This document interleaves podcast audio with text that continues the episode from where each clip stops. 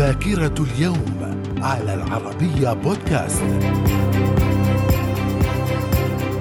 أهلا بكم ومن ذاكرة اليوم السادس عشر من مارس في العام 1521 فرناندو ماجلان يكتشف الفلبين. في العام 1775 وصول طلائع الجيش الفارسي بقيادة كريم خان زند لمحاصرة البصرة. في العام 1939 ألمانيا النازية تحتل تشيكوسلوفاكيا في الحرب العالمية الثانية. وفي العام 1968 وقوع مجزرة ماي لاي خلال حرب فيتنام. ذاكرة اليوم. ومن ذاكرة السادس عشر من مارس في العام 1977 اغتيال رئيس الحزب التقدمي الاشتراكي اللبناني كمال جنبلاط في كمين مسلح. وفي العام 1978 منظمة الألوية الحمراء تخطف رئيس وزراء إيطاليا السابق ألدو مورو. في العام 1988 القوات العراقية تقصف مدينة حلبجة الكردية بالكيماوي وأدى ذلك إلى مقتل خمسة آلاف شخص من المدنيين بينهم نساء وأطفال وشيوخ. ذاكرة اليوم. ومن ذاكرة السادس عشر من مارس في العام 1990 1989 عودة طابة إلى السيادة المصرية وذلك برفع العلم المصري فيها.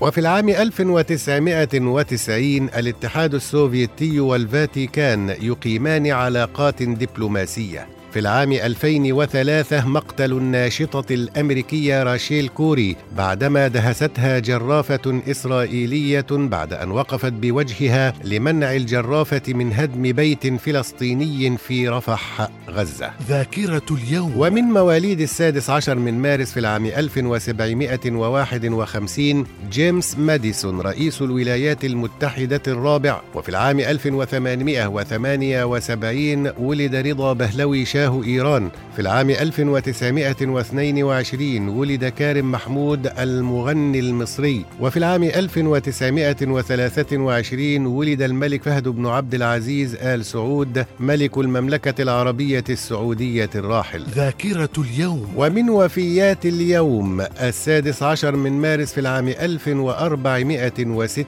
ابن خلدون المؤرخ وعالم الاجتماع العربي. في العام 1905 1945 توفي معروف الرصافي الشاعر العراقي. في العام 1996 توفي جاد الحق علي جاد الحق شيخ الأزهر الشريف الأسبق. ذاكرة اليوم. وفي مثل هذا اليوم من كل عام يحتفل باليوم الوطني للباس التقليدي في تونس. ذاكرة اليوم. إلى اللقاء.